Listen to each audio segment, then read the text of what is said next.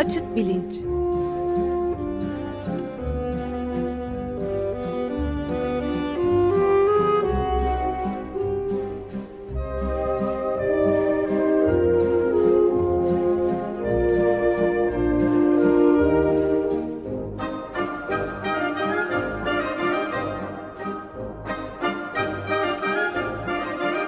Güven Güzeldere ile bilim ve felsefe sohbetleri.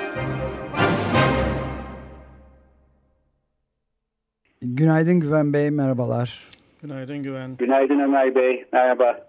Can yok bugün ama Hakan Gürvit'le beraberiz konuğumuz. Onu takdim etmeye e, gerek var mı radyoda bilmiyorum. Yani açık bilinçe de pek e, yabancı olmadığımdan herhalde yoktur. Ama olsun. Evet, Hakan hoş geldin. Merhaba. Ee, e, yoktur herhalde gerek ama ben yine kısaca e, söyleyeyim. İstanbul Tabii, Üniversitesi lütfen. Çapa Tıp Fakültesinden e, nörolog e, öğretim üyesi e, Profesör Doktor Hakan Gürbüt. Açık bilincin e, aşina bir ismi. Hatta iki sene önce e, Dünya Alzheimer Kongresi e, Boston şehrinde olmuştu ve bu kongreden döner dönmez e, bize kongreyle ilgili izlenimlerini aktarmıştı Hakan 2013 senesinde. E, bu kongre yine e, her sene olduğu gibi bu sene de e, 10 gün kadar önce bu sefer e, Washington DC'de e, tekrarlandı. Hakan o kongreye de katılmıştı ve şimdi 2015 senesinde e, Alzheimer hastalığında durum nedir? Biraz bize bunu anlatmak için burada. Fakat e, program bununla sınırlı kalmayacak. E, çünkü e, Alzheimer hastalığı e, giderek daha e, yüksek bir öneme e, haiz bir e, hal alıyor. Alzheimer nedir, e, önlenebilir mi, e, tedavisi mümkün mü böyle konulardan konuşmak istiyoruz. Fakat bunun yanı sıra e, bu kongrede e, Biogen isimli bir e, Cambridge, Massachusetts'te e, kurulmuş olan bir firma e, bir mucize ilaç e, geliştirdiğini e, öne sürerek bir prezentasyon yaptı. E, bu ilaçtan da biraz bahsetmek istiyoruz. E, Hakan bize anlatacak. E, hem de daha genel bir çerçevede e, biyofarma e, endüstrisiyle bilimin e, bu konuyla e, kapitalizmin e, ilişkisini de konuşmamız lazım. Çünkü e, bu Biogen ya da Biogen isimli firmanın e, araştırmaları sonuç itibariyle e, borsadaki hisselerinin nasıl davrandığına e, da bağlı ve bu e, Biogen hisselerinde son 3-4 e, ayda büyük oynamalar hem çıkmalar hem e, düşmeler oldu. Bu genel konuya da değinmek istiyoruz. Bunların hepsi bir programa sığmaz diye düşündük. Dolayısıyla bugün bu Alzheimer konusuna başlayacağız. Gelecek haftada devam edeceğiz.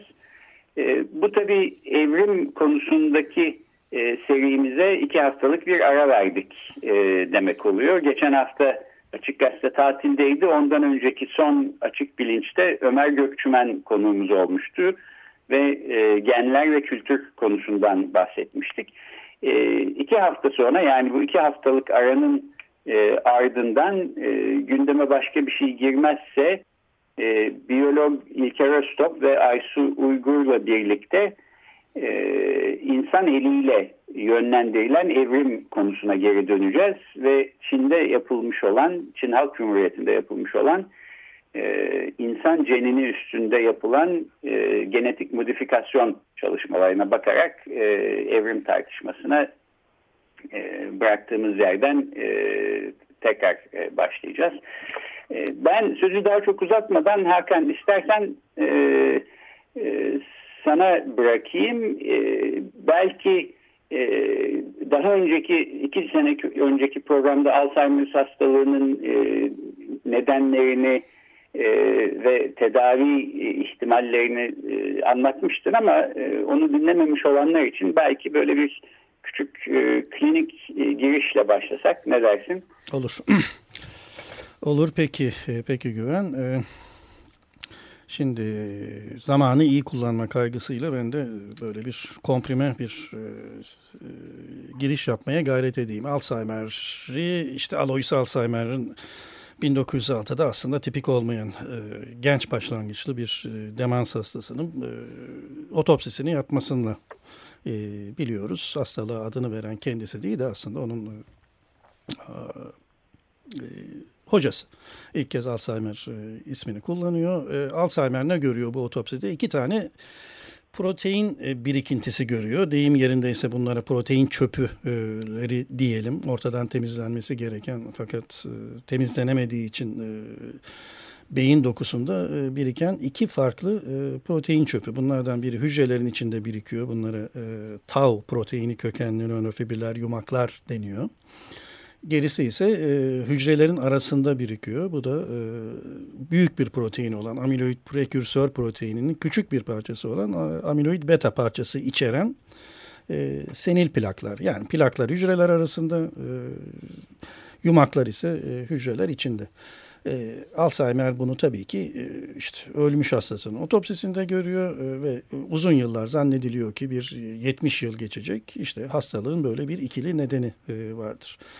70'lerden ee, itibaren geçen e, yüzyılın yani 1970'lerden itibaren bir kez e, Alzheimer hastalığının nadir bir hastalık değil de e, eskiden en sık demans nedeni zannedilen damar sertliği ne bağlı bir demans olmadığı fakat Alzheimer hastalığının gerçek anlamda yaşlılıktaki demansın en sık nedeni olduğu bir kez ortaya çıkınca işte bütün fonlamalar artık Alzheimer hastalığı araştırmalarına akıyor.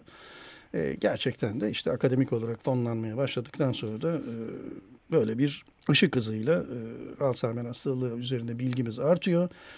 E, önce 1980'ler görüyoruz ki hastalığın belirtileriyle yani giderek artan zihinsel bozukluğun e, çeşitli enstrümanlarla ölçülen şiddetiyle e, nörofibriller yumakların zaman ve mekan içindeki dağılımları birbiriyle çok iyi korele ediyor. Ama plaklarla yok böyle bir korelasyon. O zaman önce bir Taoistler, bir e, fanatik bir e, kamplaşma olacak çünkü bu. Taoculara dolayısıyla işte Taoist denecek. Taoistler bu korelasyon nedeniyle sanki evet Tao proteini e, tetiği çekendir diye düşünülecek. E, ta ki 1990'lardan itibaren bir nörogenetik devrimiyle birlikte hastalığın bütün genetik nedenlerinin amiloid üzerinden çalıştığı görülecek. Bu kez de beta amiloidten bir e, e, türetme ile baptistler öne geçecekler. E, beta amiloid proteini yanlıları yani. Ee, onlar da diyecekler ki işte bütün genetik nedenler e, amiloid üzerinden olduğuna göre tetik çeken e, amiloiddir. Hani bunun ne önemi var? Baptist kazansın, Tau kazansın. Olağanüstü önemi olduğunu 2000 yıllardan itibaren göreceğiz. Çünkü bir kez amiloid kaskat hipotezi temel paradigma olduğu zaman e, hastalıkta bütün araştırmalar amiloid üzerinden e, fonlanmaya başlayacak. Dolayısıyla da hastalığın nedene yönelik tedavisi denilen şey önce amiloidi ortadan temizlemek üzerinde e, tasarlanacak, kurulacak 2000'li yıllardan itibaren. 1990'lar ee, 10 yıl boyunca gerçekten de e, hastalığın ilk tedavilerinin kabul edilir olduğu birbiri ardına e, aynı zamanda bir nörogenetik devrim 10 yılı fakat aynı zamanda da ilk kez Alzheimer hastalığında ne e, geçerli tedavilerin kabullenilmeye başladığı yıllar. Birbiri ardına 2-3 yılda bir yeni bir Alzheimer ilacı piyasaya çıkacak ama bunları iki kampta toplamak mümkün. Biri kolinesteraz inhibitörleri denilen bir aile. E, ne yapıyor bunlar? E, beyin coğrafyasında ilk ölmeye başlayan hücre gruplarının e, bulunduğu limbik sistemin tam ortasında duruyor bu beynin kimyasal sistemi. Yani oradaki bir çekirdek bütün beyin kabuğuna e, kullanacağı asetilkolini veriyor. Asetilkolin de bellek için ve dikkat için geçerli bir, gerekli bir e, kimyasal e, asetilkolinsiz kalınca kimyasal olarak belleği ve dikkati bozuluyor e, hastaların. E, Alzheimer hastalığının temel belirtileri de e, bellek ve dikkat bozukluğu. Öyleyse Parkinson hastalığının analojiyle nasıl onlarda dopamin kimyası eksik onun yerine koyarız. E, o hareket yavaşlığı düzelir. E, burada da eksik olan asetilkolinin yerine koyalım.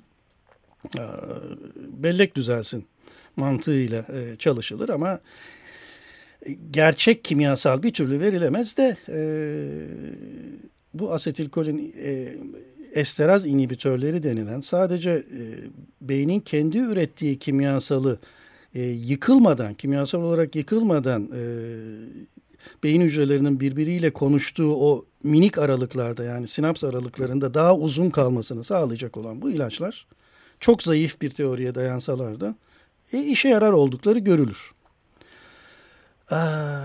Ve işte dediğim gibi bu sınıftan e, bütün test edilen ilaçlar e, o test etme kurallarını geçerler. E, bunlar çok sıkı kurallardır. Birazdan onlardan da söz etmek gerekecek herhalde. Klinik çalışma ne demektir? Yani klinik çalışmaları başarıyla geçerler, onaylanırlar ve eczanelerde satılı olurlar. Bu aileden başka bir tek aile daha aynı başarıyı gösterir. Bu da başka bir kimyasal üzerinden. Glutamat denilen, glutamik asit denilen işte beyindeki hücrelerin e, birbiriyle daha hızlı konuşmasını sağlayan bir e, kimyasal diyelim buna. Buna karşılık GABA denilen kimyasal tam tersine birbirleriyle konuşmamalarını, susmalarını sağlayan bir kimyasalken bunun tam tersi olan e, glutamik asit, glutamat üzerinden çalışan bir e, diğer ilaç. E, bunların her iki grupta aslında e, hastalığın gidişini değiştirmeyen fakat e, belirtilerini hafifleten ve dolayısıyla da e, işte e, kullanan hastalara e, yıllar içinde biriken delillerle 1-2 yıl kadar kazandırdığı e, görülen tedaviler. Çok mütevazi e, e, müdahaleler dolayısıyla ama yine de ilk hastalığın tarihindeki ilk e, müdahale kabul edilmiş müdahaleler olarak e, önemli ve prestije sahip olacaklar bundan sonraki yıllarda da. Bir iki yılı çok e, azımsamamak lazım düşünelim ki hastalığın epidemiyolojisine yani toplumdaki sıklığına bakılacak olursa her 5 yılda bir 65 yaşının mesela e, yaşlı Alzheimer hastalığının başlangıcı olarak alalım. Her 5 yıllık dilimlerde yani 65-70, 70-75 arasındaki sıklığa bakacak olursak ikiye katlanarak artan bir e, sayısı var bunun. Dolayısıyla hani 1-2 yıllık bir e, süre kazandıran değil de 5 yıllık süre kazandıran bir yeni tedavi bulunsa o zaman e, işte toplumsal maliyeti açısından da çok önemli bir buluş olacak bu. Çünkü verili bir zaman kesitinde işte e, toplumda görülen hasta sayısını da yarıya indirecek. Dolayısıyla 2000'li evet. yıllardan beri en büyük gayret bunu yapmak.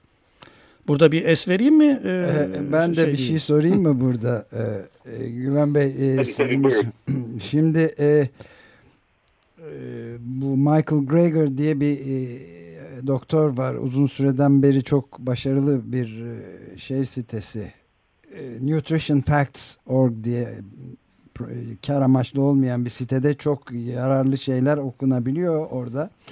Oradan e, baktığımızda a, Alzheimer'ın bir kere neden bu kadar konu olduğunu açık radyoda da defalarca konuşuyoruz ama neden üzerinde bu kadar durulduğunu gösteren çarpıcı rakamlar var. Mesela bir yüzyıl içinde diyor Alzheimer'da yedinci e, hiç sıfır ölüm sebebiyken yedinci Amerika Birleşik Devletleri'nde yedinci ölüm sebebine hı hı, sıçraması hı hı. diyor. Şu anda 5 milyon Amerikalıyı etkilemekte diye.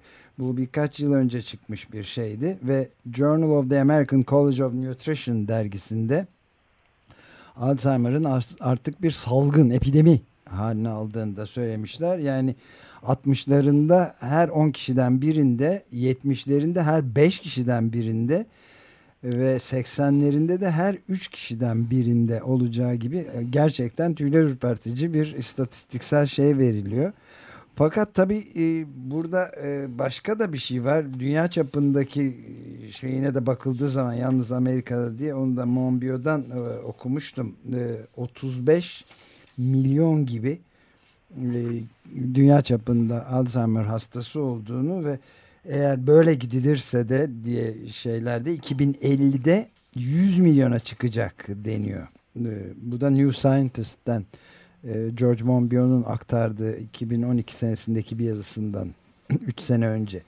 Fakat e, şimdi başka bir şey de çıkıyor bu ilaç meselesine geçtiğimiz zaman. Yani bazıları işte ömrün uzadığını söylüyorlar filan o yüzden görünüyor. Ama 100 yıllık e, önceki dataya e, bakıldığı zaman deniyor.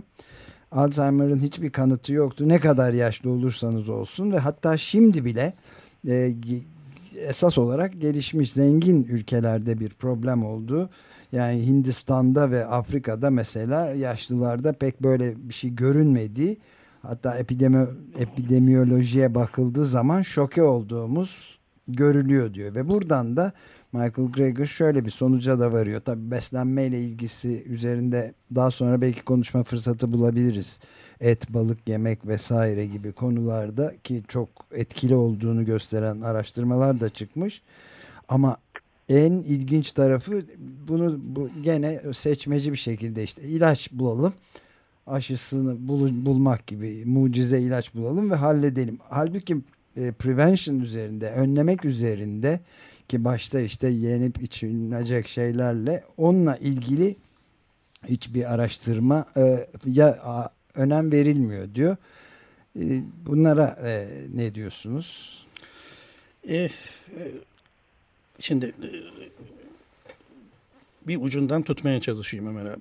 E, kesinlikle yani hani aslında tam önem verilmiyor e, denmesin aslında yine klasik e, bir bilimsel dergide e, yayın kabul etme kriterlerini dolduracak metodolojilerle yapılan beslenme çalışmaları da var. Ben evet. 2013'te de konuşmuştuk galiba. Yani Akdeniz diyeti denilen evet. şeyin e, işte örneğin e, Kolumbiya Üniversitesi'nin yaptığı bir çalışmada Akdeniz diyetine uymayı bir e, skala boyunca e, e ölçüp e, buna uyan e, e, bir bir New Yorklu popülasyonun Kolumbiya Üniversitesi'nin e, kayıt sistemine dahil olan da e, Akdeniz diyetine en fazla e, rağbet edenler de işte bu hastalığın en az görüldüğü e, oysa ki işte Amerikan tarzı o hızlı beslenmeyle fast food tarzı beslenmeyle olanlarda da en yüksek olduğu e, ortaya kondu. E, aslında bir genetik nedensellik olarak bakılınca da e, makul bir e, anlaşılır bir şey var burada. Mesela e, bazı e, riskler arasında bir e, genetik polimorfizmler de var. Polimorfizmler ne? E, o bir mutasyona sahip olmak gibi çok nadir bir durumun mutlaka hastalığa e, yol açması değil. Fakat o sık durumun e, sahip olaraktan hastalığın riskinin artması. Apolipoprotein E denilen proteinin Üç tane formunu alabiliriz örneğin annemiz ve babamızdan aldığımız genetik e, mirasla. 2, 3 ve 4 olarak. E, annemizden ya da babamızdan tek kopya E4 aldığımızda örneğin hastalık riskimiz 3 misli artıyor da e, her hep hem annemizden hem babamızdan E4 alırsak E2 ve E3 yoksa ortada o zaman riskimiz 12 misli artıyor. 12 misli artıyor ama yine de e, hastalığa sahip olmadan ölebiliriz yine. Bu ne demek? E, bakılacak olursa bu E4 sahipliğinin aslında Homo sapiens'in e, kadim geni olduğu ortada. Örneğin e, Afrika'da daha az görülüyor dedin ya. Sahra altı haklarında gerçekten e, E4 normal popülasyonda e, son derece yüksek yüzde kırklarda fakat buna karşılık hastalık riski değil. E3 ee, daha sonra çıkan, tarım uygarlığıyla çıkmış olan, işte Akdeniz Havzası'nda daha prevalan, daha sık bir e, şekli. E, E3 hastalıktan e, korumasa bile nötr bir e, şey. Çok muhtemeldir ki tarım uygarlığını, e, avcı toplayıcılıkta gerekli olan E4, e, işte bu post kapitalist durumda kalınca o topluluk içinde hala E4 sahipliği, avcı toplayıcılıkta faydalı olan bir şey artık Alzheimer riski haline geliyor. Buna karşılık daha sonra gelen işte e, bir Akdeniz havzası tarzı beslenmeyle, tarım uygarlığıyla birlikte ortaya çıkan e, genler ise ya nötr ya da faydalı e, oluyor. Ama mesela Amerika'da yani gelişmiş zengin ülkelerde 100 sene öncesine göre çok büyük artışın da genetik olarak izahı mümkün olmuyor tabii o zaman. Yani. Bu, bu e, şeyle artık bunu e, işte o baby boomer generation denilen işte e, savaştan hemen sonraki artmış olan bebek sayısının yaşam beklentisinin de artmasıyla birlikte şimdi şimdi e, Amerikan toplumunun işte yaşlı nüfusunun çoğunluğunu oluşturması. Sahiden demin verdiğin rakamlara daha da korkutucu rakamlar konulabilir. Evet. 2050'den itibaren Centenarian denilen grubun yani 100 yaşına gelecek olan grubun nüfusunun işte 10 milyonlarca e, e, ölçüleceği e, artık. Hani e, vakit olmayacak bunları kullan konuşmaya evet. muhtemelen ama hani kongrenin en meraklı konuşmalarından biri de aslında bu e, centenarian olup da Alzheimer olmamak neyin nesidir? Super ager deniyor e, bunlara. Nasıl super ager olunur? Nasıl süper yaşlanılabilirin e, mekanizmalarını konuşmak. Aslında fırsat olsa da bunları konuşsak. Evet, ben yani daha junk... e, şey yapabilirim. Peki daha kon kongrede junk food konuşuldu mu? E, junk food'un etkileri üzerinde. Çünkü belki de junk food denilen işte bu hızlı yiyeceklerin, hamburgerlerin, bisküvilerin, çikolataların, şekerli maddelerin, kolaların filan en büyük e, şeyinin aslında e, bugüne kadarki en e, felaketle sonuçlanan doğru, şeyinin Alzheimer doğru, olduğu doğru. Yani, söyleniyor. Aslında yani slow food meselesi artık Alzheimer camiasında böyle bir şıklık, bir gurmelik karşılığı değil. Sahiden de e, hastalığın işte hastalığa e, müdahale açısından olması gereken e, bir şey. Evet yani New Scientist dergisinde de e, geçenlerde işte 2012'de e, çıkan şeyden bahsediyor George Monbiot Guardian'dan ve diyor ki yani bir metabolik hastalık olduğunu ortaya koyan yeni araştırmalar çok var. New Scientist'te bunlardan biri ve e, üç, diyabet tipi 3 e, üçüncü e, diyabet olduğunu evet. söylüyorlar ve haberleşmeyi engelleyenin de o evet. şekerli maddeler filan oldu aslında haberleşmeyi kesenin hücreler arasında evet. kesen evet. madde. Ee, yani bu da e, aslında bir e, bir bir hoşluk üç, tip 3 diyabet demek Alzheimer'e biraz işte hani birdenbire e, bir bir kulağa çarpıcı geliyor. E, hani bir hastalık mekanizması olarak tip 3 diyabet diyemeyiz ama şunu diyebiliriz. Şimdi tip 2 diyabette insülin direnci demek. Hı hı. İnsülini e, fazla fazla salgılanıp e, işte o e, sistemde artan şekeri hücreler içine sokmaya çalışması demek. Ama insülin direnci olduğu için o insülin kullanamaz. Evet. O zaman da bir enzim fazla üretilen insülini parçalamalı. İnsülin degrade edici enzim. IDE diye kısaltılan bu insülin degrading enzyme olan şey. Şu e, işe bakınız ki ama nasıl ki e, e, demin söylediğim ApoE'nin E2, E3 ve E4 e, kopyaları e, beyindeki o protein çöplerini toplamakla görevli çöpçüler aslında. E4 görevini yapmayan. E, ben hep o terimi kullanırım. Tabiri caizse bir direnişte ya da grevde bir çöpçü gibidir işini yapmaz. Evet. E2 ile E2 çok çalışkandır. E, E3 de yapması gerekeni yapar. Onun için E2 sahibi olmak avantajdır. E4 sahibi olmak da risktir. E3 nötralken. Bunlardan dediğim gibi annemiz ve babamızdan birer kopya alabiliriz. İnsülin degrade edici enzim de benzer bir şey. Eğer e, sistemde işi yoksa yani e, sistemde artmış bir insülin üretimi yok ise kişi yani insüline dirençli diyabet tanısı almamışsa, böyle bir şey yoksa o zaman insülin degrade edici enzim sistemde durmaz da gider beyne, merkez sinir sistemine gider ve protein çöpü toplamaya başlar. E, tam da böyle bir şey gibi, terazi gibi, bir yarışmacı bir durum gibi. Eğer e, sistemde iş yapacaksa merkez sinir sisteminde olmayacak. O zaman orada çöp kalacak. Böyle Evet, ee, beynin düşünmedim. o zaman çok konuştuğumuz bu program çerçevesinde de beynin plastisitesini evet. ve insülin sinyallemesi beyinde nöronlarda beyin hücrelerinde insülin sinyallemesi tam da proplastik plastisite yönünde bir e, evet, e, mekanizmayı başlatır. Halbuki bu amiloid denilen fragman ise gider e, insülinin kullanacağı reseptöre oturur tıkar onu insülin sinyallemesi başlanamaz dolayısıyla ve antiplastik bir etki göstermiş olur dolayısıyla. Evet, dünyanın en kompleks olayını basitleştirmeye çalıştığımızın Güzel. farkındayım ama. işte tam da kompleksin altını defalarca çizmek lazım. Ee, gerek amiloid gerek tau bu iki protein çöpü bir dizi e, bir dizi mekanizmayı e, başlatıyor aslında. Bir bölümü e, işte bu antiplastik olarak sınıflayabileceğimiz bir dizi e, aslında bir sürü basamaktan oluşan mekanizmalar bunlar. Söz konusu ilaç şirketleri dolayısıyla nedene yönelik bir tedavide tutup bu düzinelerce basamağın herhangi birini hedefleyebilirler. o basamağı tersine çevirip hastalığı da düzelteceğim diye. İşte evet. sorun burada zaten. Böyle bu, böyle böyle bir çizgisel nedensellik olarak e, düşünmekte bu hastalığı. Nitekim yani o 1990'larda gerisinde bu kadar simplistik, bu kadar basit bir teori olan yani madem asetilkolin eksik, Parkinson hastalığında dopamin eksik, Alzheimer'da bu eksik yerine koyalım düzelsin. Olmuyor işte. Bu çok basit bir mantıktı ama dediğim gibi çok mütevazi olsa da işe yaradı. Daha sonra hastalığın nörobiyolojisini anla, amiloidin bütün basamaklarını tek tek ortaya koy. E tamam işte tamam çözdük bu hastalığı gibi düşünüyorduk 2000'li yılların başında. Ama olmadı e, görüldü.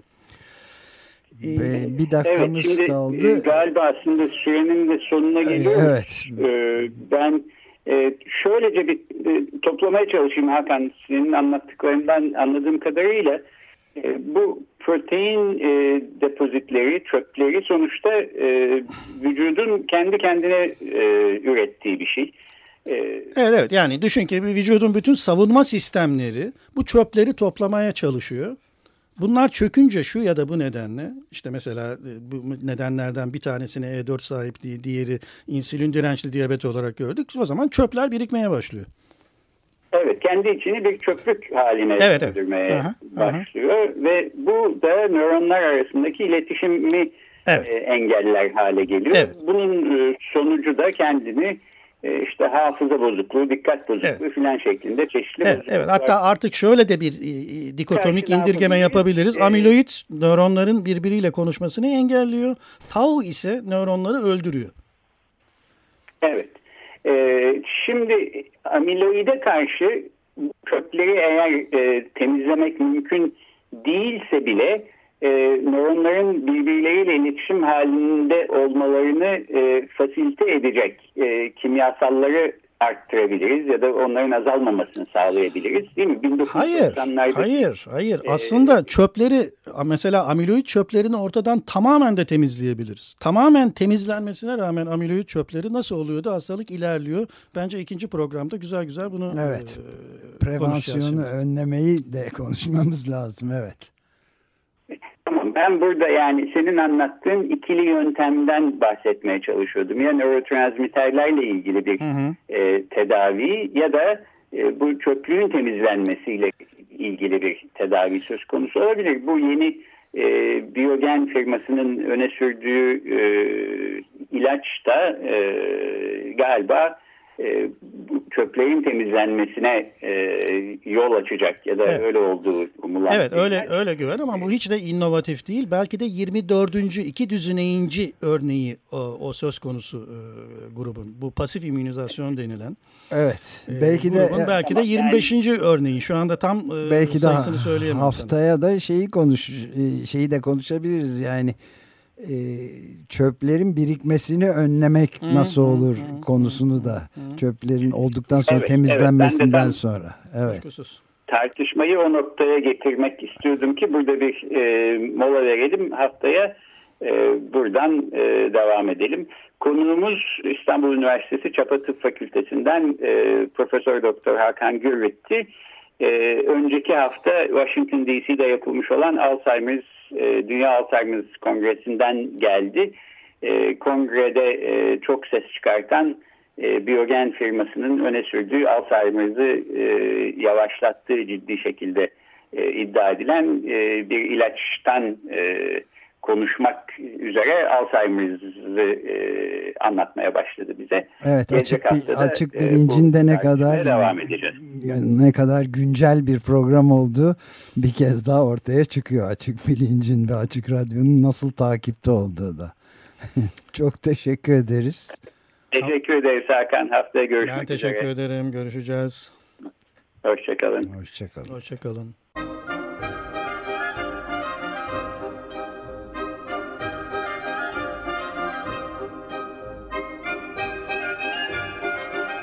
Açık bilinç.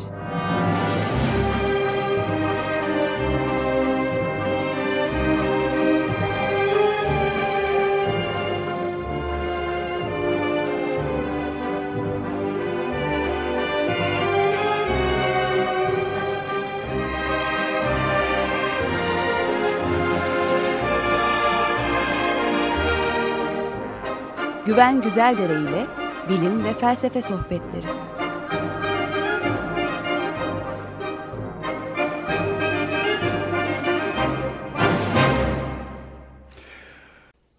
Açık Radyo program destekçisi olun.